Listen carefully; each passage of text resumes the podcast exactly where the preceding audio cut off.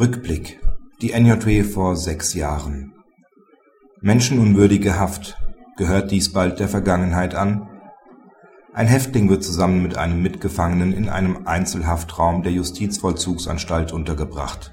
Dabei beträgt die Grundfläche der Zelle nur 7,6 Quadratmeter. Das ist menschenunwürdig, befand das OLG Celle in der NJW von vor sechs Jahren (NJW 2003, Seite 2463) und gewährte Prozesskostenhilfe für die Schmerzensgeldklage. Eine vermehrte Geltendmachung dieser Schmerzensgeldklagen könnte nach Meinung von Joachim Kretschmer das Kostenrisiko des Staats erhöhen und ihn daher zu einem humaneren und menschenwürdigeren Strafvollzug veranlassen.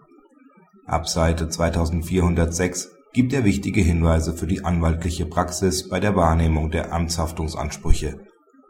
Auch wenn auf längere Sicht wohl noch auch wenn auf längere Sicht wohl noch Altanstalten und Altbauten in Betrieb bleiben, gibt der Autor die Hoffnung nicht auf, dass das Problem menschenunwürdiger Unterbringung künftig durch neu zu errichtende moderne Justizvollzugsanstalten in den Griff zu bekommen ist. Dies scheint gerade auch in Anbetracht jüngster Folterskandale in Gefängnissen von größter Wichtigkeit zu sein